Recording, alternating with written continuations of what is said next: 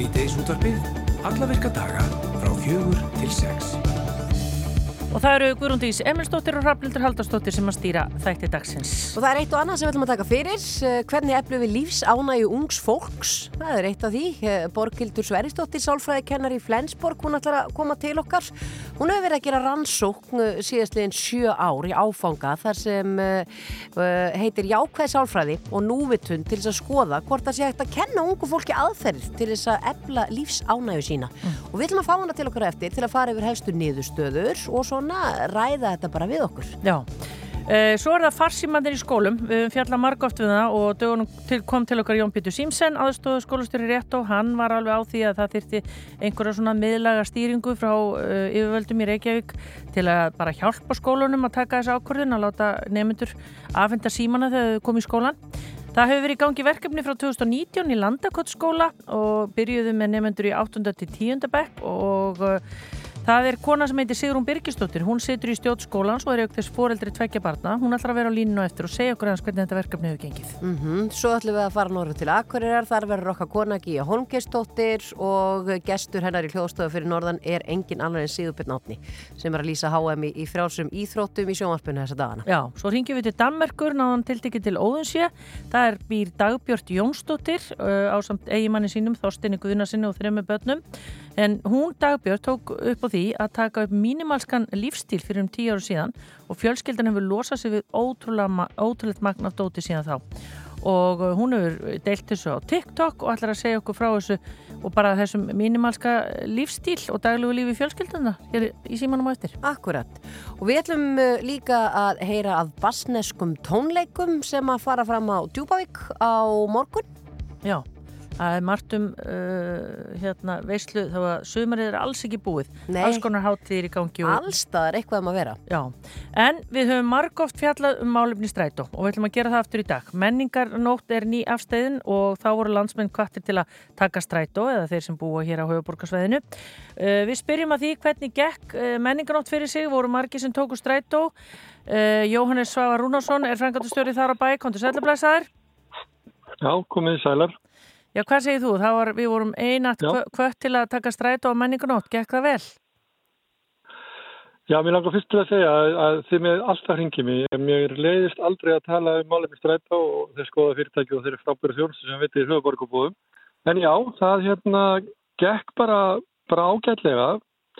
Við vorum ekki að lenda í eins miklum uh, tróningi eins og uh, undanferðið árið að síðast ár. Það var náttúrulega frí hérna tvö ára þar undan. Eh, það var ringt í mig tvísvar en í síðast ári var ringt í mig svona hundrasunnu þannig að það er svona mæli hverju minn á það að þetta hafi gengið miklu betur og fólk sínd alveg skilning á því þegar það kyrta fram hjá því það vissi að það var að koma vagn mjög fljótlega.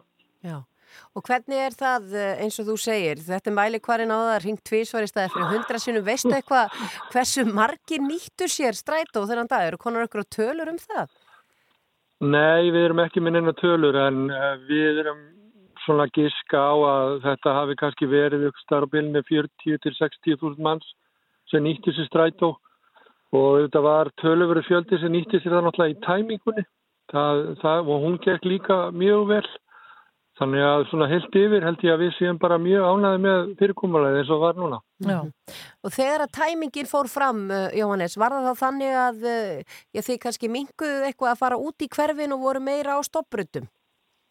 Já, það passar. Við búum til alveg sér leiðir sem fara í svona helstu hverfi og svo erum við líka með leið upp á kjalanis og, og það, þeim er bara ræða hérna niður á sæbrutinni og svo erum við með hóp, hóp fólk sem er að stýra, stýra fólki í réttu leiðir af því þetta er náttúrulega eitthvað sem fólk sér ekki um einu svona ári og, og þetta gekk bara ljómandi vel og við vorum held ég svona búin með tæminguna bara svona verða eitt. Já, einmitt.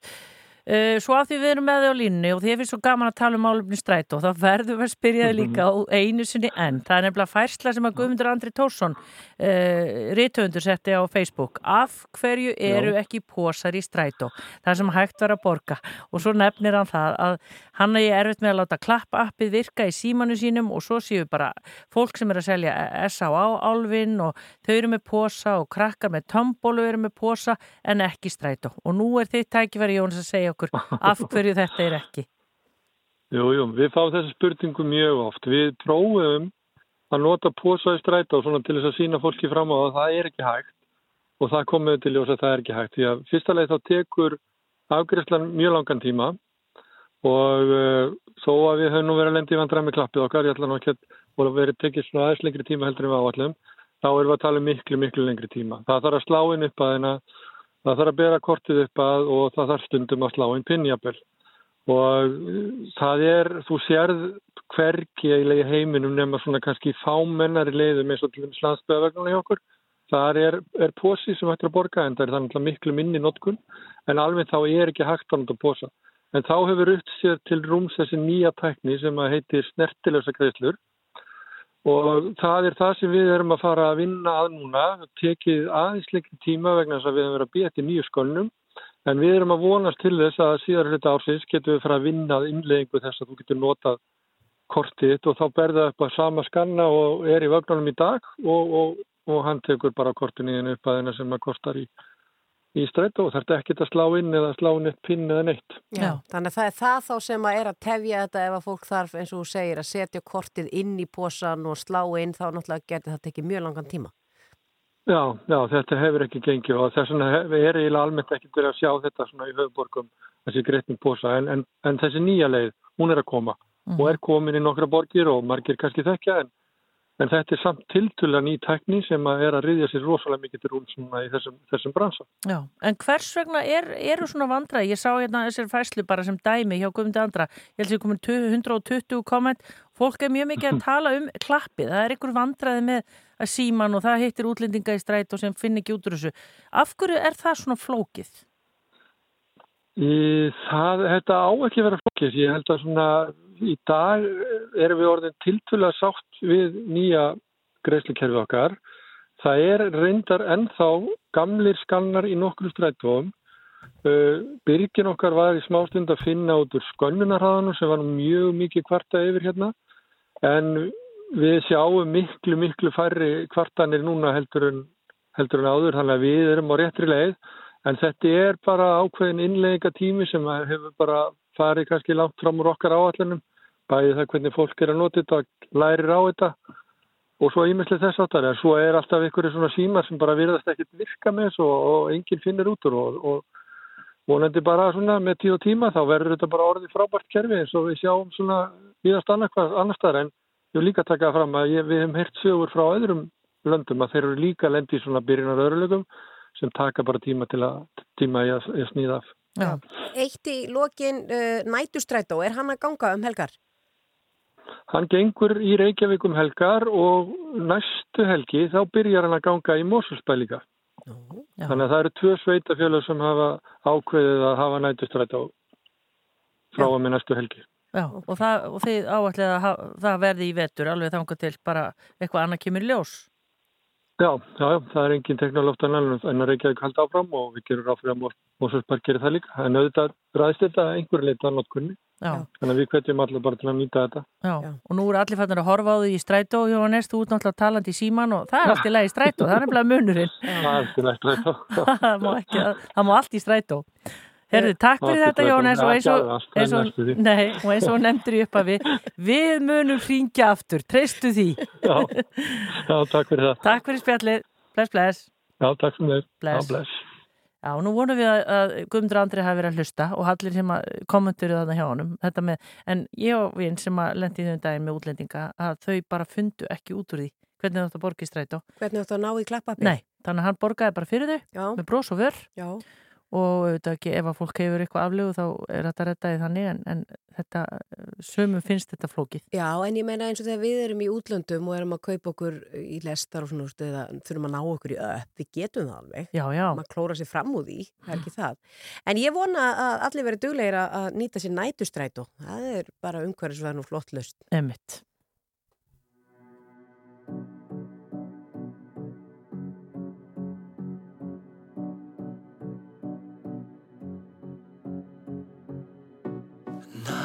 is drawing near.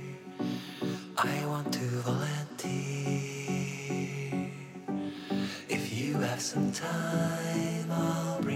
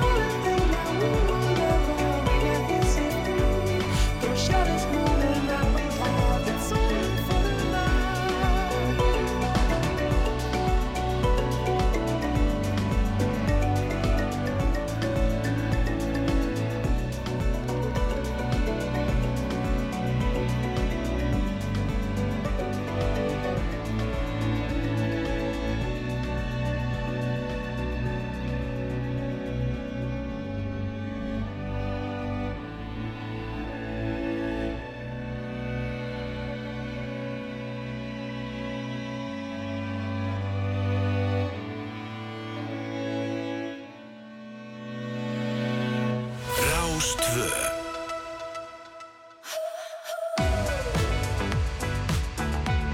Sapnaðu meira klinki.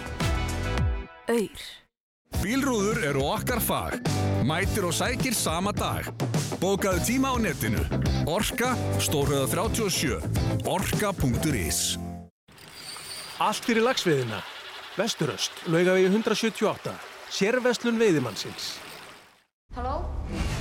Kuldi er sálfræðitrillir af bestu gerð, byggð á metsölubók Yrsu Sigurðardóttur. Hvað veistu um vistheimili krók?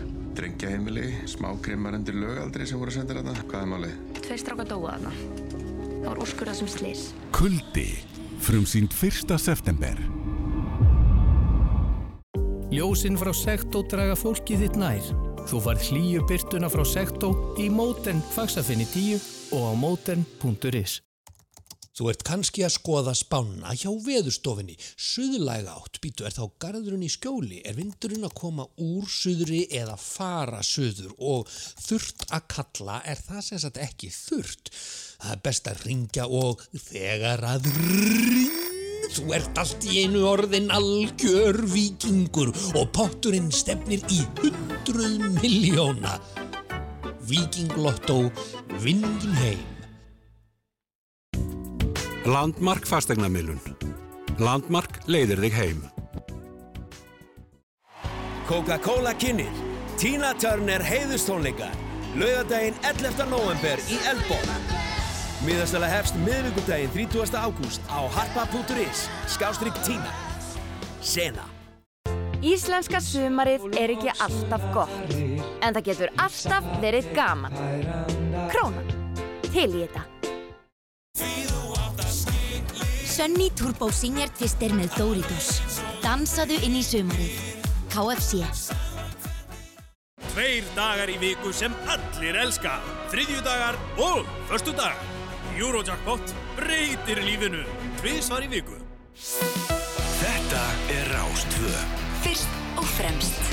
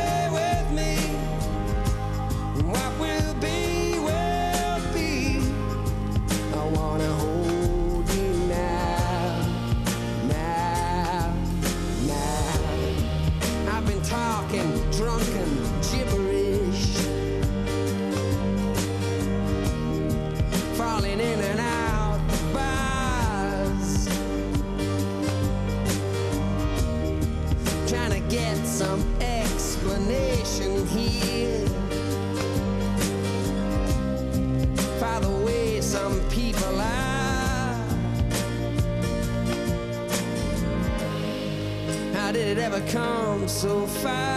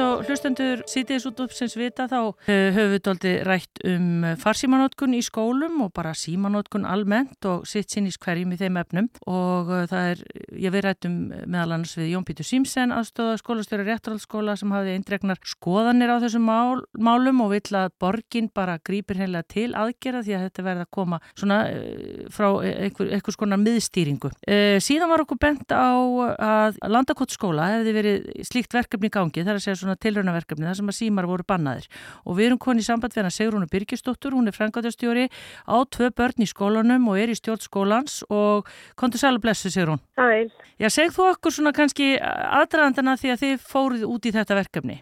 Sko, þetta var fyrir nokkrum árum, árið 2019 sem þetta hófst og var ákveð að fara að staða með tilraunaverkefni. Það hafði verið byrjað á því að byrja nefnendur um að skilja síma eftir á hljóðlösu í, í töskunum sinum, en það var enn að tröfla.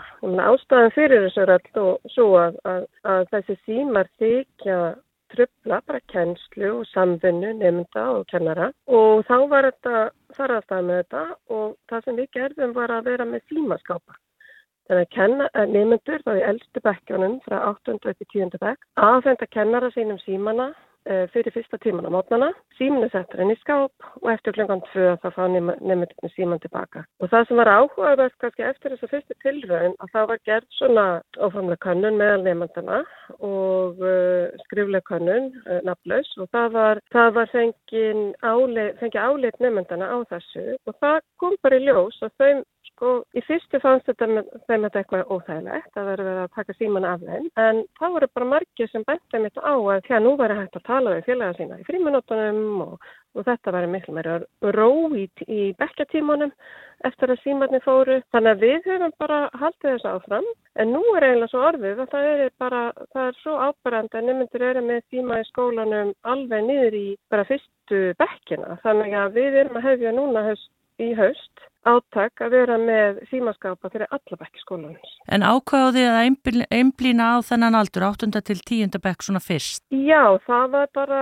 svo þörf sem kom upp á þeim tíma. Það voru eldri krakkar sem voru með símana í bekkjónum en það bara miklu minna á því að, að yngri börnum væri með síma en nú er þetta bara orðið það algengt og þetta bara þykir trublandi og ég meina nám gengur út á svo litið þessi samskipti að milli allra, milli nefnda og kennara og annar starfsmanna skólans. Og þegar símin er komin í hendurnar og, nefndur eru fann að einbyrna sér að endlýra á síman og allan þann stóra heim sem sá sími getur opnað fyrir allavega samskipti að þá er það bara trublandi fyrir bara ekki einstaklingin heldur líka myndi leggja áherslu á. Það er bara svo tröflandi fyrir alla aðra í kringum þann einstakling. En ég er svona frekar nýkomið til starfa við Landakotskóla ég var ekki 2019 þegar að, að þessi tilvæm fór fyrst af stað. En ég verð að segja að það hefur alkomir algjörlega óvart hvað þeir mikið af stjórnunatíma við svona skóla og kennaratíma í það að það séu tröflun varðandi símanótkun og verið að nota síma að það er svo margt sem gerist með símanótkunni. Þetta er, uh, þetta getur verið áreiti, ég meina nú er einert oftast að byr, byrtast á samfélagsmiðlunum, kannski meira heldur en bara göngunum. Þannig að bara allt það sem tengi símanum er fara að taka ótrúlega mikið tíma af bara hérna frá kennarum og, og, og hérna stjórnendum. Þannig að við viljum bara fylgja þessu eftir. En að auki eru við eiginlega að fara að stað með annað verkefni sem er í, í þemadögum að þá viljum við bara fjalla um tækni og við viljum fá nefndi til að læra að nota tækni til þess að á jákvæðan máta að búa til að við erum ekki bara neytendur þessara samfélagsmiðla sem þau eru að kynast þau gegnum símana. En það er svona önnur áhersla sem okkur finnst bara mjög mikilvægt að þau þarf að fara svona aðeins að baku líka þessi miðla og reyna að skilja þá. Já. Og í fyrirtæki og stopnarnir og svona að skilja hvernig svona efni er búið til. En, en það tengist kannski næstu spurningu vegna þess að rökin eða mótrökin gegn þessu hafa verið svolítið þau að þetta sé nú bara komið til að vera, tækni nútímans og það sé svolítið skrítið að við getum ekki bara haft þetta uh, allan sólarhinga á okkur vegna þess að við notum þetta svo mikið í þeim tilgangi. Uh, rétt, þetta komið til að vera en ég myndi jáfnframt segja það að það þarf að læra að nota svona miðla og það þarf að skilja svolítið bæði hvernig efni er búið til, það þarf að vera hægt að greina uh, efnið út frá því hvað er verið að segja, hver er bóðskapurinn, það þarf að, að hérna að jáft að skilja hvernig maður notar þessa miðla á jákvæða máta eins og bara önnur samskipt og það er það kannski sem við ætlum þá að gera með svona þaumavíku að það verður rýnt svona svolítið á bakvið þetta þess að við, það sem við sjáum oft vandamálinn spretta upp, það er ákveðin neikvæð notkun á símum og, og á samfélagsmiðlunum sérstaklega. Það er ofta sem er umfangsmesta Já. í þessari umræði. Þannig að ég myndi líka bæði það að segja, jú þetta komið til að vera, en það þarf ekki að vera, við þurfum að vera blindi neytandur og við þurfum að geta stýrt í. En sko á hinbói myndi ég líka bara segja, jú þetta komið til að vera, en ég myndi samt vilja heyra rauk fyrir því sem ég hef mjög lítið heyrt um, er hvað er jákvæmt við það, af hverju ættu við að leifa nefndum að hafa símana í tíma og ótíma á skólatíma. þar sem þau eru að læra og vinna og beita sér og, og taka nýtt efni af hverju ættum við að leiða þeim að hafa símana þá? Þau geta haft símanu leið og skóla líkur og þau þurfa að taka við skilabóðum og vissulega geta fóreldrar haft samband eftir bara þeim leiðum sem við höfum notað í áranna rás að ringja í skólan þau vilja koma skilabóðum til barnana sína. Þannig að þótt þetta sé eitthvað sem er til, þá finnst mér þau get ekki geta verið gaggrinslösa á þetta. Næ, en myndur þú segja, Sigrún, bara því að kannski, já það eru auðvitað margir skólastjórnundur og auðvitað foreldrar og margir að hugsa um þessi mál, myndur þú segja að það væri bara fyrir þá sem stýra þessu að einhvern veginn að prófa sig af stað eða myndur þú halla staði að það kæmi einhvers konar miðstýring? Ég er hvort það kemur miðstýring eða ekki og ég myndi alveg fagna því að það væri ákveðin svona bóðsett út. Ég að, en ég held að hver og eitt skóli, við erum alltaf með ólík samfélagi hverju með enn skóla, þannig að mér er eðlilegt að hver og eitt skóli þurfa að, að útfæra þetta á sinn máta og finna sína leiðis og í samráði þá við, sitt samfélag og sína kennara. En ég bara, ég finnst þetta bara kannski vera svo mikið atrið að sko hugsa til að stóðs að sko einn nefandi sé kannski bara með síma inn í bekknum. Það getur verið trublandi fyrir þann nefanda og ég held að það sé svona nokkuð viðurkenninga á því að skilja það. En það getur bara verið trublum fyrir alla hérna nefandum í bekknum líka. Og þá finnst mér sko, vera verulega mikilvægt að spyrja sig að því hvort sér rétt að hafa símana inn í þessu námsöngkveði. Við tökum aðra hluti af börnum í skólum ef við teljum það trubla eða, eða hérna auðra einhverjum öðrum hérna samskiptum. Ég meina, ef nefandi kemur með plastpís í skólan þá er það ekkert aðlulegt að nefandi sé með slíkt tæki með sér í skólanum. Og þess vegna finnst maður alveg rétt að spyrja sig að því hvort að sko líka bara annara vegna hvort að eigi að vera símar í skólanum. Já. Það er bara svona ákveðin tillitsemi sem við þurfum líka tilengja okkur í, í samfélaginu og ekkit, þá ekkert engangu fyrir skóla, þá líka við um öðra. Viljum við hafa símana hátt stilt á öllum vinnustöðum og allir geta svarað á öllum tímum að vera að tripla aðra? Þetta er bara svona, svona spurning, þetta er kannski etikett að getum við talað um. Þetta er bara hluti sem við þurfum kannski að þróa með okkur og, og venja okkur á. Ég meina, viljum við hafa síma upp á borðum þegar allir er að borða saman eða viljum við leggja símana frá okkur þegar við verðum að leggja meira áherslu á kannski samveru. Þetta er bara eitthvað sem bara auðvitað verður við að þróa með okkur og, og þroska. Okkar einsla hefur verið svo að þetta hefur verið miklu friðsalla og árangursríkar fyrir, fyrir okkar nefnendur að læra og, og hérna og ná árangri og geta einbætt sér í tímum að vera ekki með símana inn í tíman og raun og vera ekki frímanótanum heldur eins og við viljum líka þau þroski þenn leik og þau þurfa líka að gera það í raun sko í rauntíma líkamlega, þú veist, á sama stað, á sama leiksæði. Ekki bara vera að leika sér í gegnum samfélagsmiðlana. En ég held að það sé líka eitthvað að við þurfum að skilja námt og fjarlæg og mörg í, í okkar raunheimi til þess að geta yfirfært það almennilega yfir á, yfir á hérna, stafræna heimin. Já, einmitt Og það. það kannski hef ég líka, hef ég líka áhyggjur af að börnir ekki að þroska sko þann leik með sér. Þá þurfum við kannski, kannski þurfum við bara að vernda þann tíma fyrir þau að þeir náu þeim þroska. Svo getum við flutt það yfir í, í stafræna heiminn. Áhugavert Sigrún Birgisdóttir eh, sem situr í stjórn Landakotsskóla, foreldri tvekja barna og frangandastjóri. Þakkaði kellaði fyrir spjallið og gangiði vel. Og takk fyrir. Síðdeis útvarpið. Hæfileg blanda. Frá fjögur til sex á Rástvö.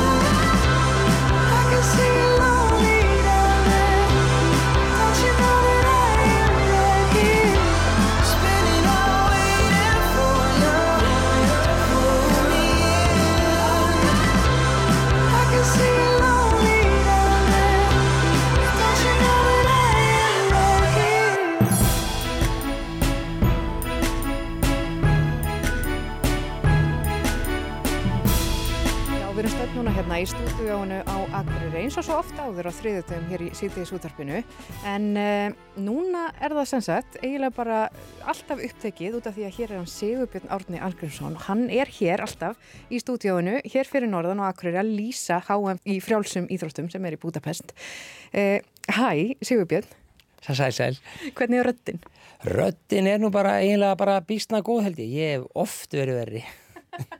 Hugsaðu eitthvað sérstaklega um röddina núna á svona álagstímum? Sko, maður reynir að passa sig. Ég reyndar hef aldrei lært rættbyrning alminnilega og kann ekki alveg, sko. Ég er ekki, ég af þeim sem klemmir rættbyrndi þegar ég syngi í staðan fyrir að þetta komi staðar frá maganum eða kviðnum og það er alltaf gengið illa en ég, samt sem áður, eins og ég vetur þegar ég var að lýsa og leika í leikritu þetta að syngja í því að þá reyndi ég nú að að passa mig á því að, að, að, að, að sleppa mér ekki En núna ertu, sko, þú ert skólamestari á laugum um, og kemur hérna bara keirandi til þess að lýsa.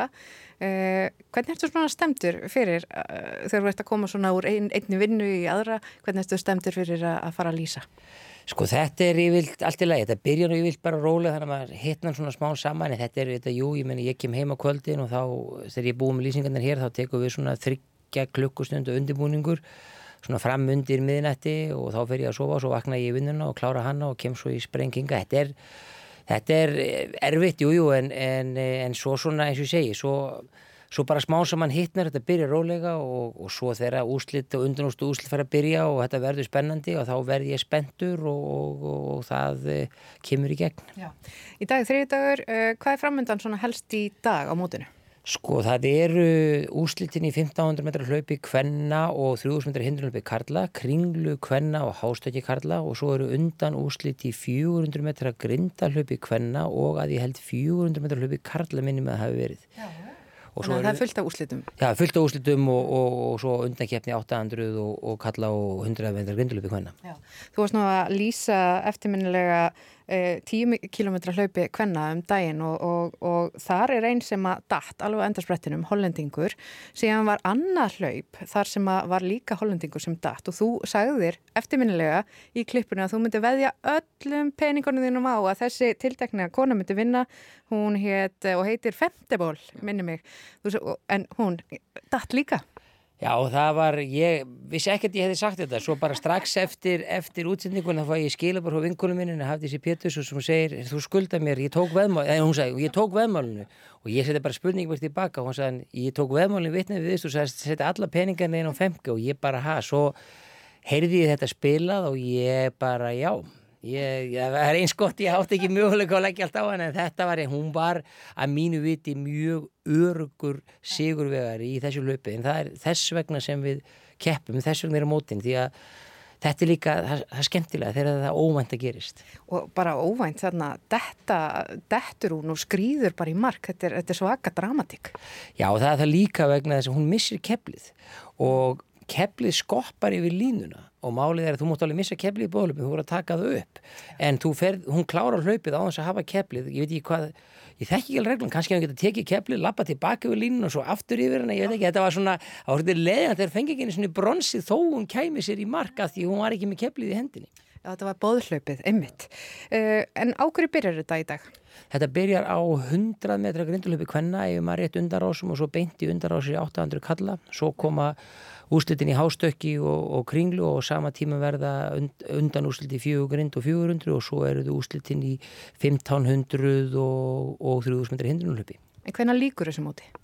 Þessu móti líkur á sunnudaginn. Þorkjell fær þann heiður að taka sunnudaginn, eh, lokadaginn sem er nú hápunkturinn, bóðlöp og mm. bara úslit og hann fær þann heiður eða situr upp með eftir hvernig við vilja líta á það að, að lýsa því því ég þarf að sitja skóla klukkan 6. sundi. Já, ymmið, betur hvað, akkur í skóli 6. sundi?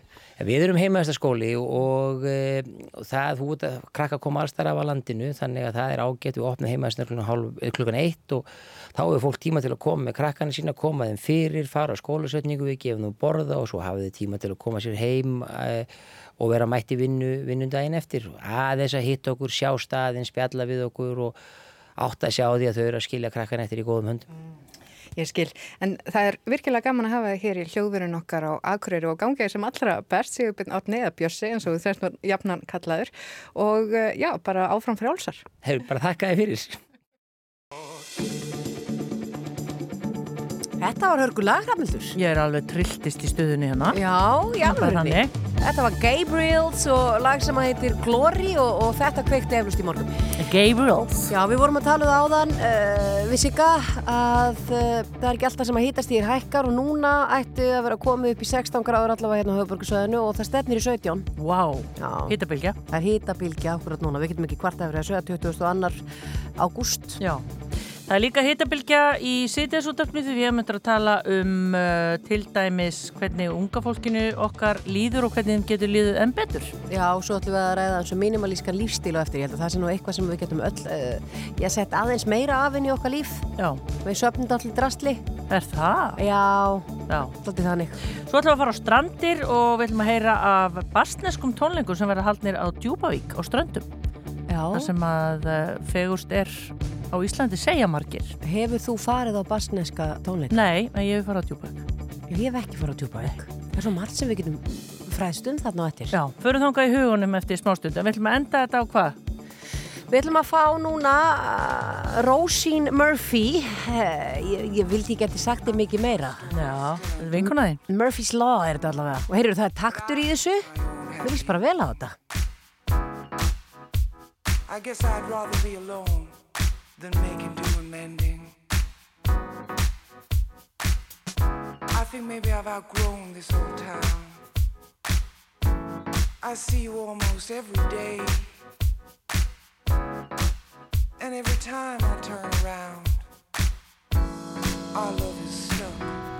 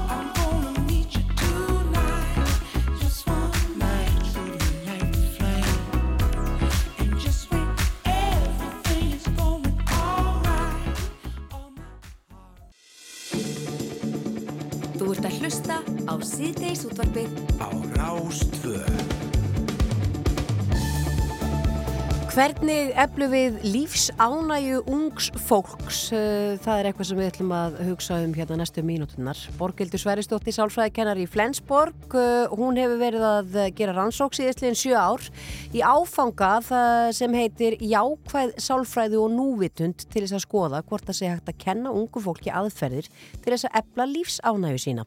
Það er að segja hvort þetta skilir sér til þeirra í raun og veru. Og eh, Borgildur er hinga komin til okkar til þess að svona fara yfir helstu niðurstöður og eh, já, yfir vangaveltur um þetta mál. Vertu velkomin. Takk fyrir. Ef við kannski að heyra fyrst af, uh, já, tilur þessar rannsóknar og hvernig svona, svona fyrstu, já, okkur var að fara af stað með þetta? Já, ég byrja að kenna þarna í Flensborg 2017 og þá einhvern veginn uh, var ég mm, í náminu mínu áður en ég byrjaði að kenna þar, þá byrjaði ég að, að móta áfanga í ákveðri sálfræði og þegar ég byrjaði þarna þá hérna, er mér bara rauninni hend út í það að fara að kenna strax í ákveða sálfræði og byrja að kenna henni áfanga þá og þá byrja ég á því að, að uh, vera að skoða sko hvort það sé eitthvað munur, það er að segja tek smá svona kvarða fyrir og eftir um, önnina. Og það kannski hérna, uh, já og, og, og ég ætlaði mér ekkert kannski að fara endilega út í rannsókn. Það kemur ekki fyrir í ljós nokkur árum síðar að ég sé þetta með göggs, ég er bara verða að gera eitthvað úr því ég sé árangurinn er svo stórkostlegur. Já. Og mér, já, þá fer ég að grúski rannsókninni og, og, og núna er komið sjö ár. Og skólinn er gott að koma inn á það sko, skólinn eru þetta byggir á þessari hugmyndafræði uh, velferðar, það er að segja mentun til farsaldar eins og kallað er í Flensborg og þannig að það lá beinast við að fara að kenna í ákvaða sálfræðir, við dætt inn bara kannski sjálfkrafa og skólinn er þetta fyrstu til að fara til dæmis að kenna núutund Já, en, en lagður bara spurningalista fyrir krakkana? Hvernig? Já, nei, ég byrja bara að kenna, ég, ég byrja eh, með, set eh, hvarðan fyrst, hvarða sem byggir á, eða sem metur lífsánægu, annars vegar, og svo hvarða sem metur svo kallega sjálfsvinsend. Og svo skoða ég, eh, leggar aftur fyrir lokanar og sé hvort það sé ykkur áhrif eða ykkur árangur. Og það var þetta það stórkustætt að sjá árangurinn að ég varða að fara að setja þetta upp í Excel og fara að gera eitthvað úr sig, eitthvað í rannsókn.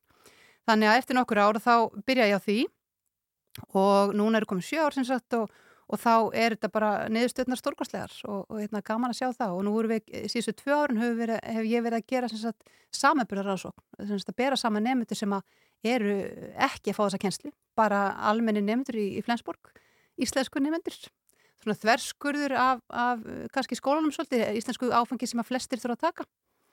Og, það er gaman að, að, að skoða sko hvort að kennsla sé virkilega að hafa áhrif eða hvort þetta sé bara eitthvað svona dag, dagra munur á fólki. En þú segir það, þú leggir fyrir, já fyrst einhvern hvarða um lífsánægu, er, er sláandi munur á lífsánægunni í byrjun annar og svo í lok? Já, það er nefnilega alveg sláandi munur. Og, og svo stórkostlega að sjá að þau eru að tilenga sér þessa aðferði, þau eru að ná Uh, já, bara svo um, það, og það sést ekki bara á þessum kvörðum sem að sko rjúka upp og lang, lang flestir eins og ég segi 8-10% nánast uh, auka lífsánöðu sína og það er að vera ykkurir, já, ykkurir uh, þriðjungur sem er eigur hann um 20-43% stík sem er alveg bara mjög mikil og verulegur og þetta er margt akkur munur. Já. En hverjir eru liklarnir? Ég menna, er að getur á svo allar fara að segja okkur nákvæmlega hvað það er sem þú ert að kenna í áfangunum en En hvað er það sem þau eru að þá, er að vera að opna augum fyrir Já. bara hvað, hvað skiptir máli einhvern veginn til þess að verða gladari? Þetta er, þetta er, ofs, þetta er þetta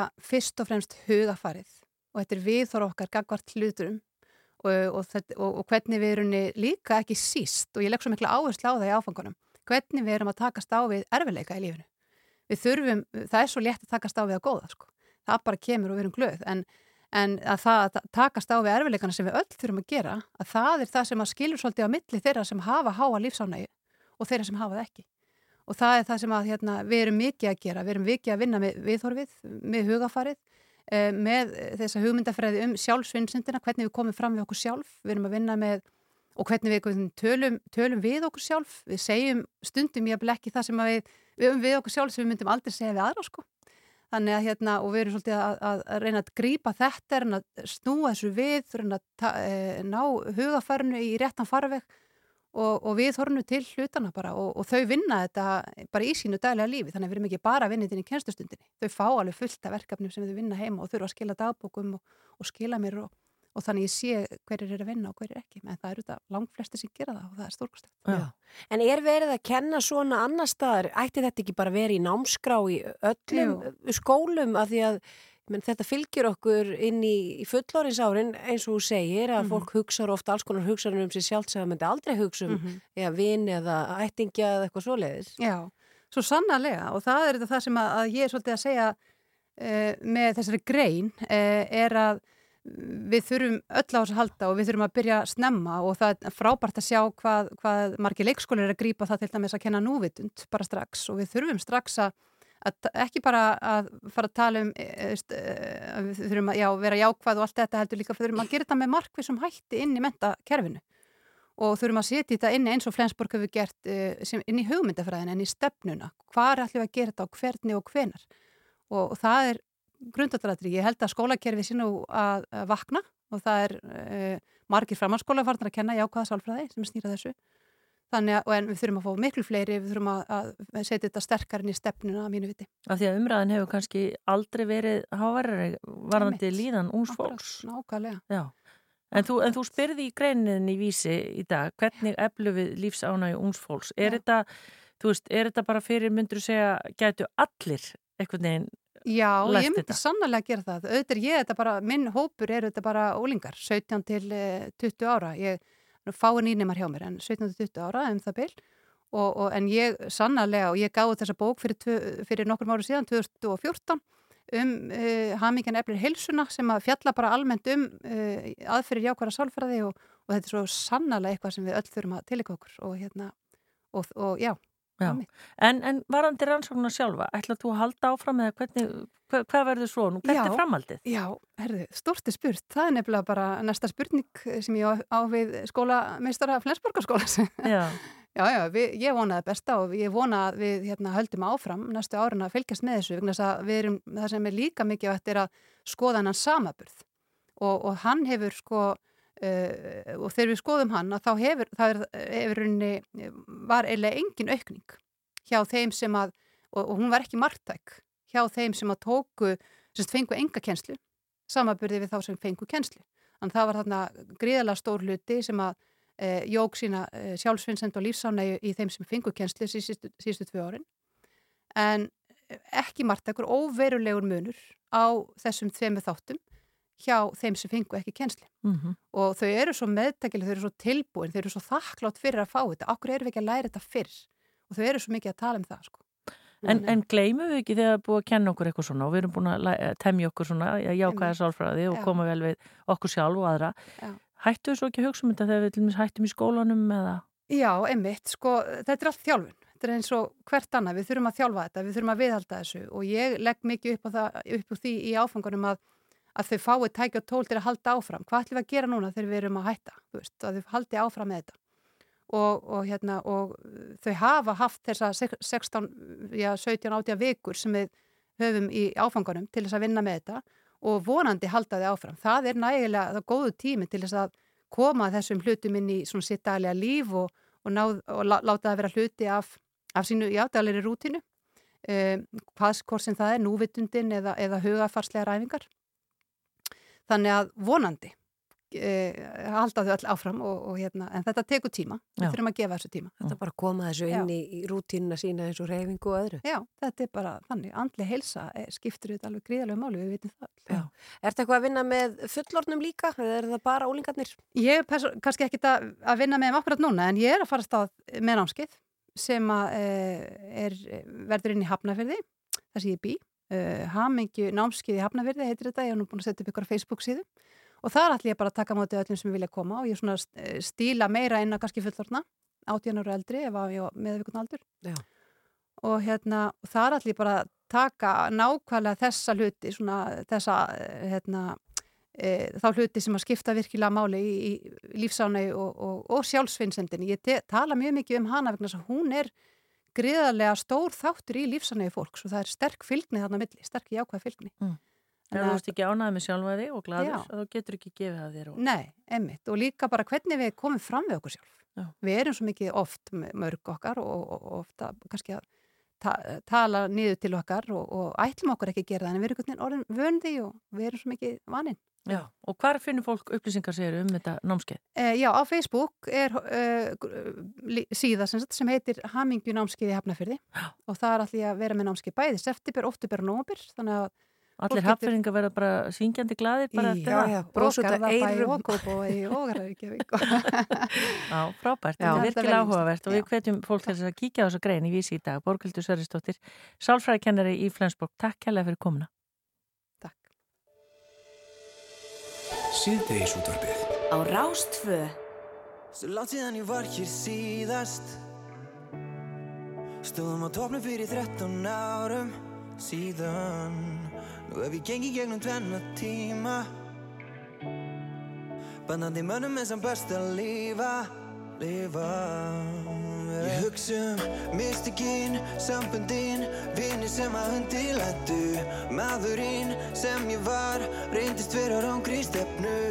En í dag, hjartalag Mitt er en það sam og síðast. Strákur sem að vildi skín En þurfti bara lengri tíma. Ég sé, ég sé heiminn nú Frá fleiri sjónarhornum Ég orðin stoltur Ég tel að þegar hún má fyrr Og komin er að lokum. Ég er allt sem lífið kendi mér. Allt sem lífið kendi mér. Allt sem lífið kendi mér. Ég er allt sem lífið kendi mér. Ég fór út á sporinu Týndist í sannleika sagt Var fastur í fortíðinni Og ég tók flöskuna fram yfir allt. 13 ár, þúsund ár Allir hafa djöful að draga Allir hafa einhverja sögu Og mín byrjaði á komdu tilbaka En ég læri alltaf meira. Lífið stækkar, tíminn læknar. Sárin gróa, árin róa. Ég vil meira, ég vil heyra. En ég stopp ekki og ég hætt ekki. Að trúa mig, ég er fljúandi Eins og fyrildi yfir himinin Pappi sjáðu mig, litla strákið þinn. Ég sé, ég sé heiminn nú Frá fleiri sjónarhornum. Ég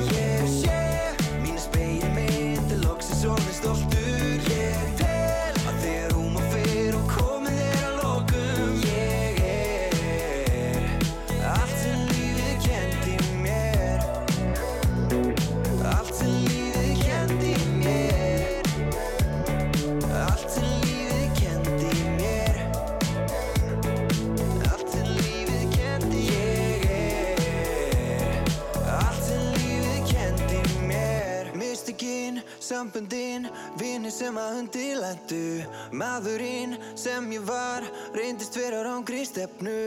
En í dag, hjartalag Mitt er en það sam og síðast. Strákur sem að vildi skín En þurfti bara lengri tíma. Þurfti lengri tíma. Ég sé, ég sé heiminn nú Frá fleiri sjónarhornum Ég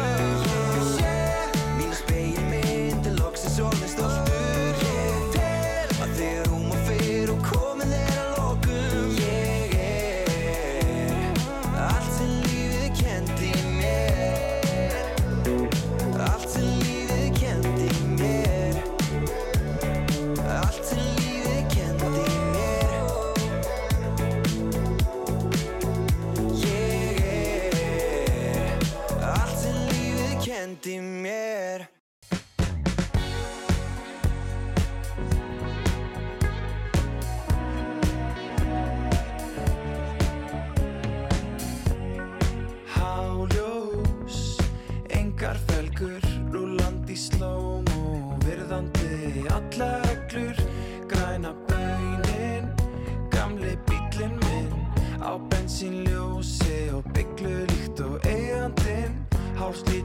flöskur, skreita gólfið, ég bý til möllu á tjónaskíslu og hanskálfi, á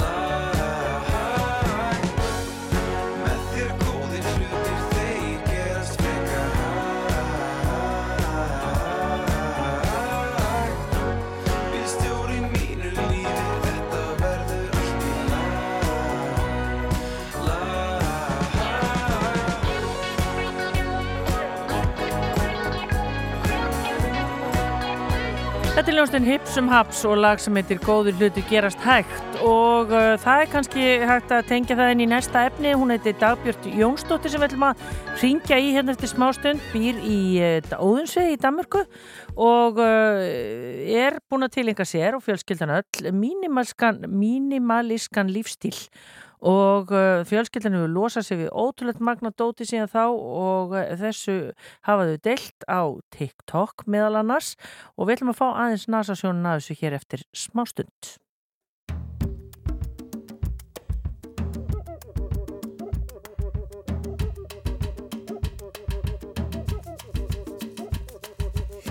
Loga allur af lost og funa og losa fyllt um nátt og runa. En það er einn heljar hængur á sem ég hyggst nú segja ykkur frá. Ég dansa sjaldan og djamma lítið dömunum finnst það svolítið skrítið. Að ég svona kam og kankví svo fær kunni ekkert að meðhöndla þær. En ég get ekki gert neitt af því að ég er bara eins og ég er Því sitt ég sem oftar yfir gefin Æfundur borðinu samba skrefin. Á tælandi megar toga mig í En ég tek ekki sjansinn á því. Ef einhver vínan mig þýða spildi Þá vissi ég ekkert hvað gera skildi Og þar að auki mér hugur rís Við holdinu þegar það rís. Já ég get ekki gert eitt af því Að ég er bara eins og ég er. Ég get ekki gert eitt af því. Get ekki gert neitt af því Get ekki gert neitt af því Ég get ekki gert neitt af því Að ég er bara eins og ég Ég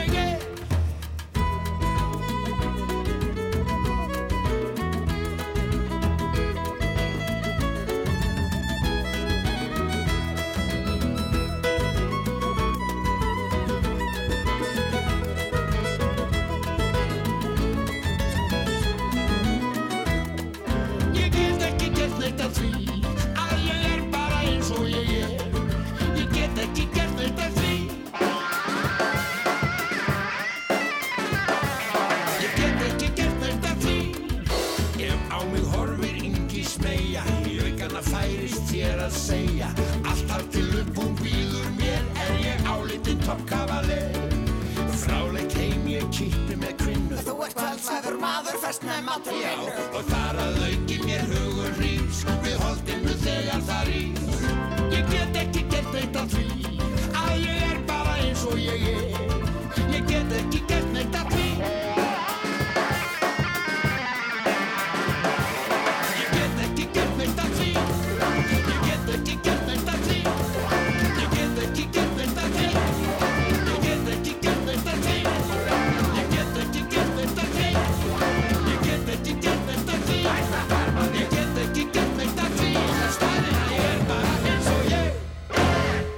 Stöðmenn, ég er bara eins og ég er og eins og ég sagði áðan þá ætlum við að heyra í konu sem á samt fjölskyldu sinni hefur tilenga sér mínimi, mínimalískan lífstíl og þetta gerist fyrir tíu árun síðan og fjölskyldan hefur losað sér við ótrúlega magna dóti síðan þá og svo eru þau byrjuð að deila þessu myndefni á TikTok meðal annars og við erum komin í samband við hana dagbjörtu. Kontu sæl og blessuð. Já, sælverið. Ef að byrja á því að spyrja hvernig stóð á því að þið fóruð út í þetta, fannst ykkur bara nóg um með draslið? Já, má eiginlega raun og vera að segja að maður fekk bara svona yfirþyrmandi tilfinningu oft þegar maður koma heim af allir þessu drasli sem maður átti og, og ég byrjaði bara að fjallega allan þann óþarfa úr lífinu sem að e, ég þurfti ekki á að halda og, og hafði bara eftir það sem ég hef þörfa og það sem ég nota og fann bara mjög mikið mun á okkur öllum innan fjölskyldunar. Hmm. Verður þetta ekki ákveðin léttir dagbjörtu? Þarf ekki til dæmis bara minna að taka til?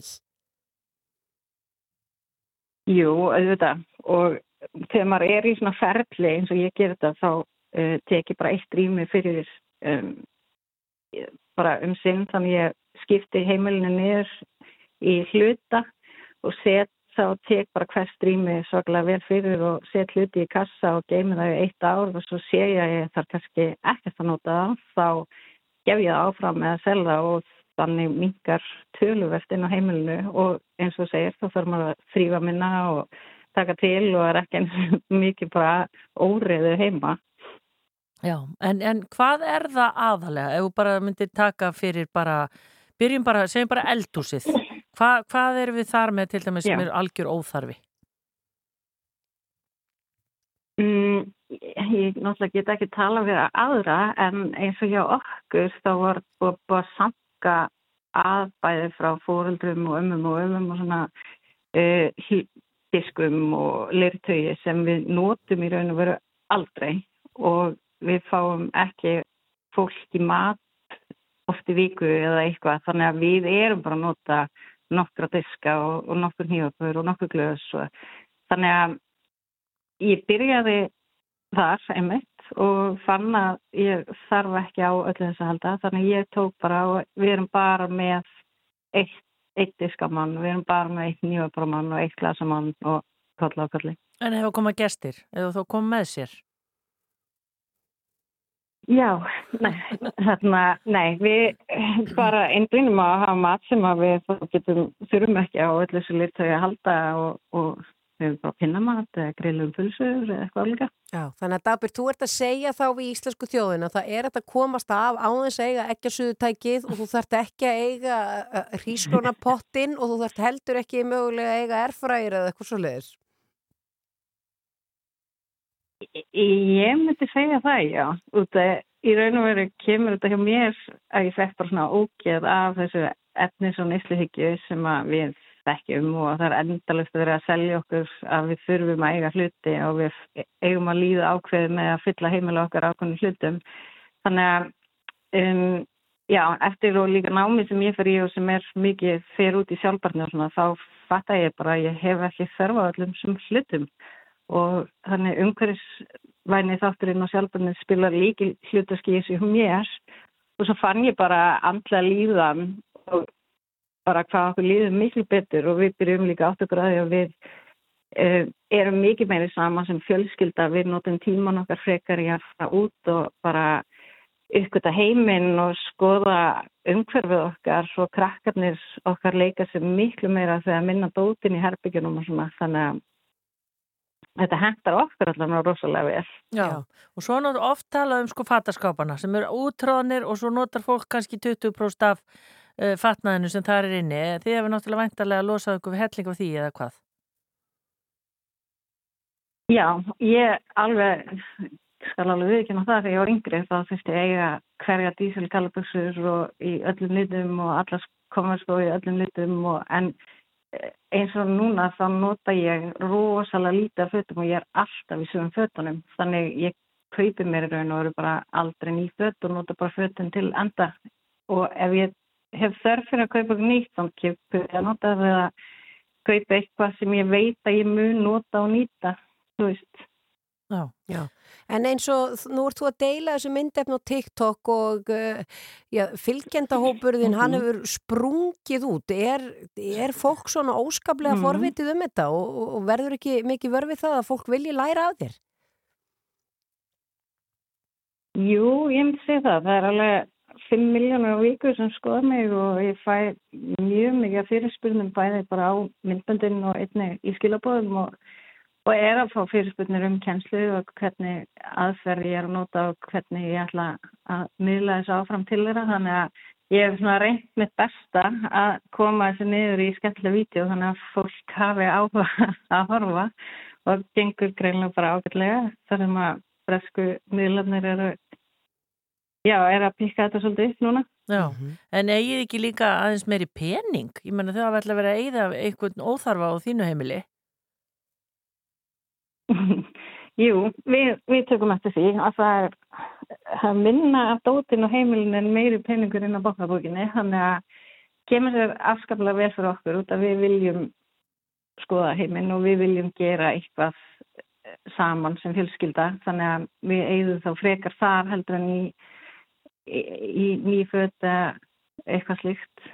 Veistu, þetta hljóma bara dagbært eins og lifir í bara drauma veröld. Það þá lítið að taka til, það er ekki drastlút um allt þegar maður kemur heim úr vinnunni og það er örf á föt að Mhm. þó, það verður hver og einn að þó syndisku upp eftir sig ef hann ætlar að fá sér aftur að borða og það er fullt veskja peningum. Þetta er æðislegt.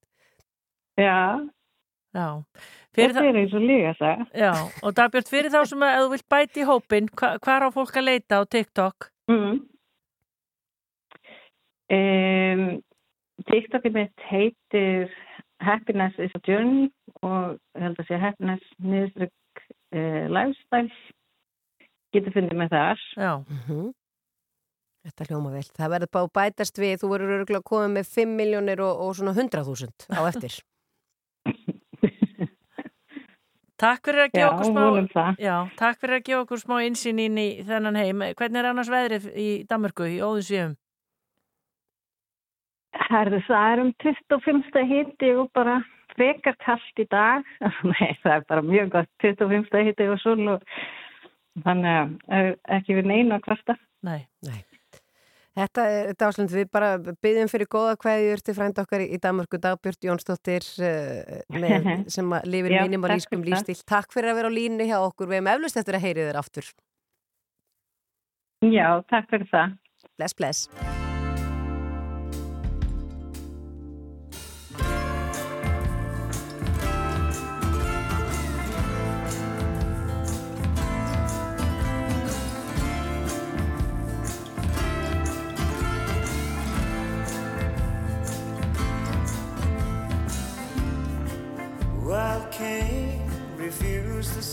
Sacred crown. Chains lay, gather the ancient stones, reverse the spell. You got stories to tell. Some say we would die alone. But today I'm alive and well. Just be yourself.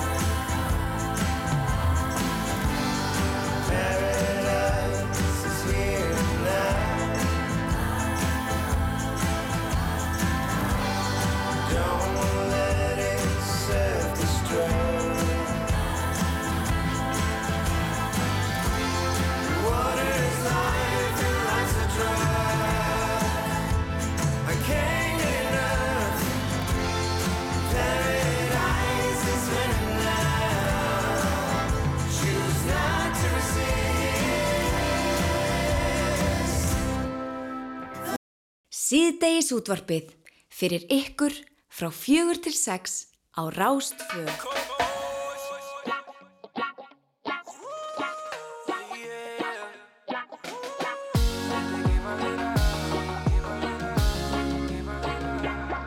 Ég vona, vona, uh, uh, þú vittir að ég gæfi þér allt, heiminn og stjórnurnar, stjórnurnar ég lofa, ég vona.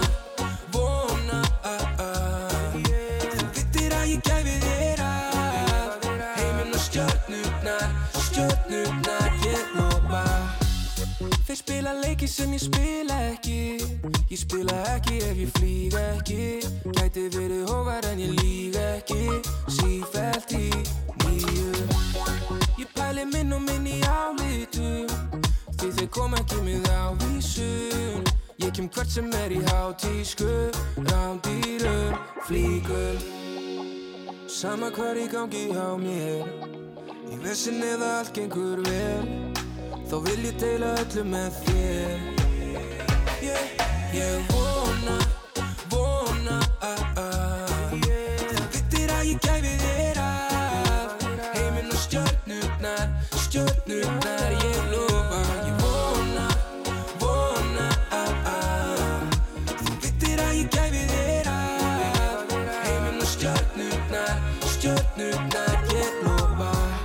Ég slæja þráðum fyrir og eftir sjó Pælinga droppirni bók og link upp aftur með bók. Hörum með gríndi með kóng, allir í kringum með kóp. Við græðum allir í hóp, allt gengi ég lofa. Af hverju ætti ég að stoppa á leiðin og þefa? Af öllum blómunum þegar ég er að vera komin í mark. Sama hvar í gangi hjá mér.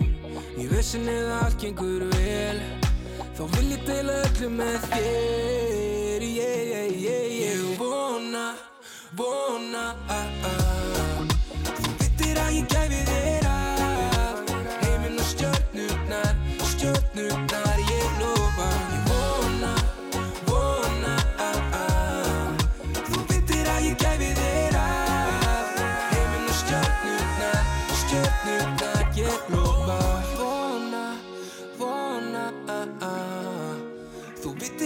ég gæfi þér allt Heiminn og stjörnurnar, stjörnurnar Ég lofa Þetta er herra Netusmjör og uh, lag sem heitir Stjörnurnar.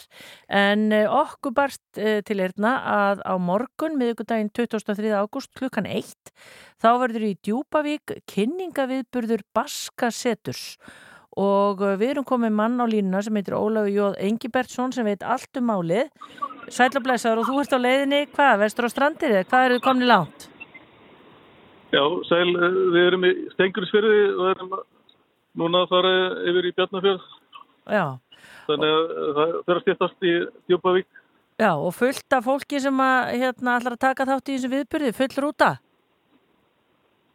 Já, þetta eru eh, 13 mann sem borð frá Fraklandi og Spáni, Baskahjöruðum, Bekkja landa sem vera með dagskrá á morgun í Djúpavík. Já, og, og hver er ástæðin? Segð okkur aðeins, hvaða tenging er þarna á milli hérna, Baska og Djúpavíkur? Eh, Það er eh, fyrst og fremst þessi ástæða að skip Baskana uh, braut í Hafís í, uh, 1615 og þau eru uh, á, hafsbótni en þó og það hefur verið leitað að skipsflöggunum en uh, þau hefur ekki fundist en þó en uh, það stendur vonandi til bóta. Þannig að þetta er uh, sem sagt núna verið að fagna því að það er Evrópu samstarfi um að stopna baskasetur uh, við fengum framlag frá Creative Europe til þess að stopna það og uh, frá fleiri aðilum innanlands. Þannig að þetta er bara uh, loksins komið að því að við erum að fagna þessu samstarfi uh, fólk frá Alba Óla á Spáni þessum skipa smíða sapn og fortbáta sapn og síðan er Hæsibekki hátíðin í Fraklandi í Bæjón Mm. Þetta er sitkurum megin við landamærin Baska hérðin Já, Þannig, þannig að það er mikil tenging þarna á milli. Uh, Já, það er te- tenging á milli þeirra en Baska vinafélagi koma á þessum tengslum við þessa aðila gegnum það að fá- enn Evrópustyrk þannig að Baskasetur er eins og er upprænlega hugmynd frá Djúpavík uh, í árnæssetti var ákveðið að í gegnum átaki brótættar degðir að stefna því að stopna Baskasetur hérinn er aðal maðurinn í, í því að koma því á lakinnar Já, og það, taka síldaversminni í gegn já, ég ætlaði að mynda að fara að segja það. Þið verðið í þessu ótrúlega sögufræga og flotta húsi, Síldar Versmiðinni á Djúpavík. Já, það er byrjað að taka tankana í gegn og hérna, þar verður síning uh, um sögu Baska á, á Íslandi og líka ver, verður endurgerður uh, verður gerður bátur, léttabátur, baskneskur það er ekki alveg bála að leipina við að, að smíða Já. þannig að verður íslenski bátasmiðir að vinna í því Um. En hva, hvernig dagskrá verður þarna á morgun? Það verður, verða, verður fyrst smiðja, ég búið til hljóðfæri úr röstli.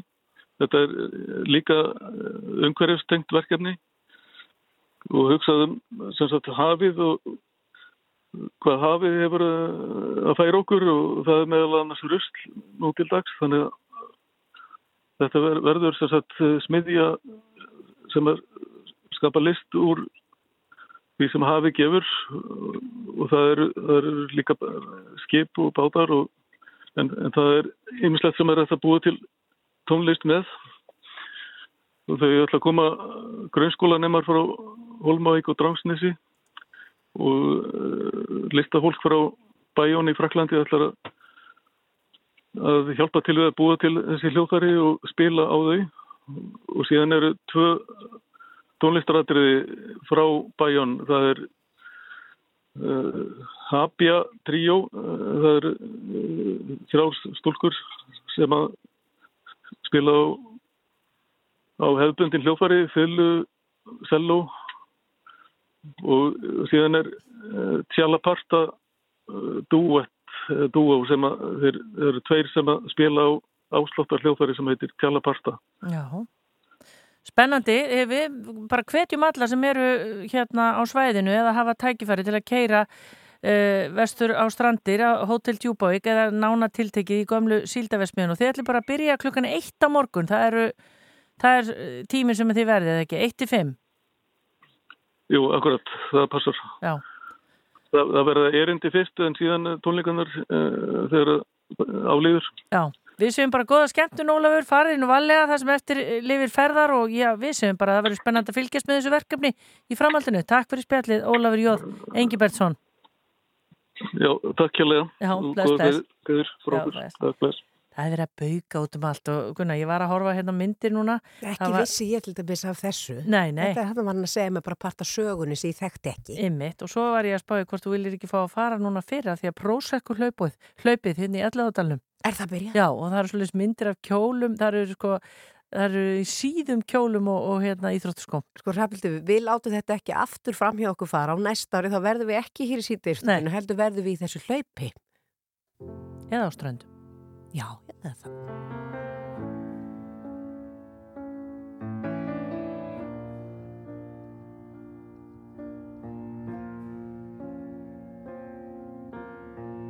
Hate to give the satisfaction asking how you're doing now. How's the castle built of people you pretend to care about? Just what you wanted. Look at you, cool guy, you got it. I see the parties and diamonds. Sometimes when I close my eyes, six months of torture you sold to some forbidden paradise. I loved you truly. You gotta laugh at the stupidity. Cause I've made some real big mistakes, but you make the worst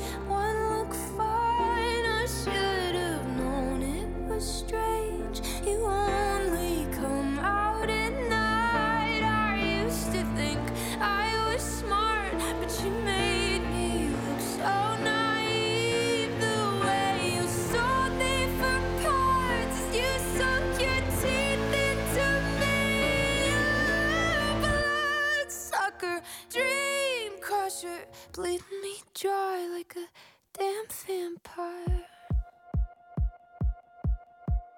And every girl I ever talked to told me you were bad, bad news. You called them crazy. God, I hate the way I called them crazy too. You're so convincing. How do you lie without flinching?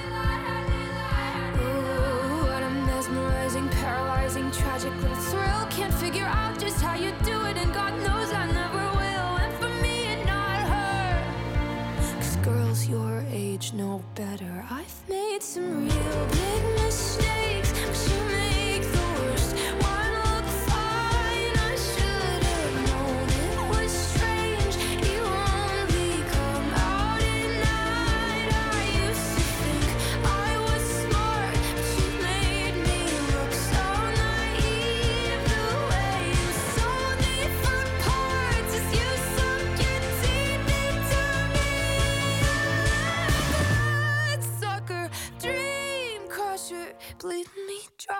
a damn vampire.